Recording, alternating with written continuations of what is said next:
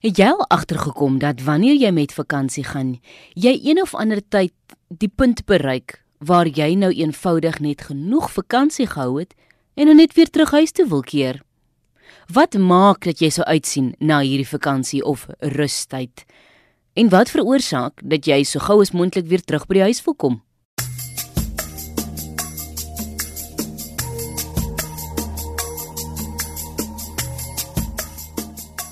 Dopamien is glo die sleutelwoord.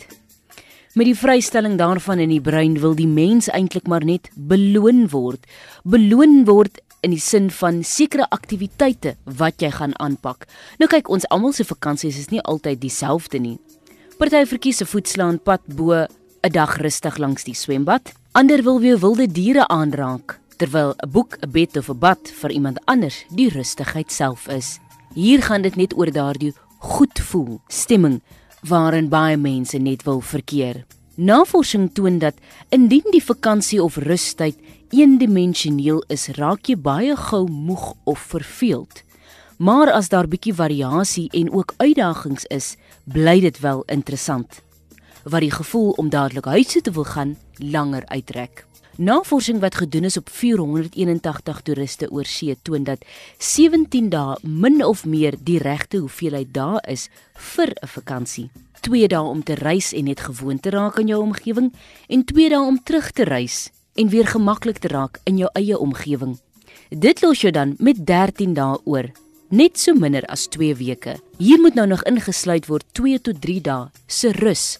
Absoluut niks doen nie wat jy op die ou en dan los met 10 dae waarmee dit gevul kan word met verskeie aktiwiteite. Die Journal of Happiness studies toon dat wanneer mense met vakansie gaan, wil hulle graag aktiwiteite hê wat 'n uitdaging stel en ook terselfdertyd leersaam is. Meeste mense soek betekenisvolle aktiwiteite. So hulle plaas dit in die volgende kategorieë. Sommige aktiwiteite is fisies uitputtend, soos om 'n berg te gaan uitklim. Ander dinge kan wees partytjie hou wat geestelik en fisiese uitputting tot gevolg het. Daar word ook bevind dat vakansies waar jy vreeslik aktief is, jou meer energie gee en vakansies waar jy bloot net langs die seewater en of swembad lê, soms uitputtend kan wees. Dit werk ook andersom.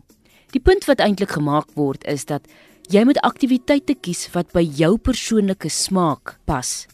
Daarom werk familievakansies nie altyd uit nie want daar word nie aan jou individuele behoeftes voorsien nie.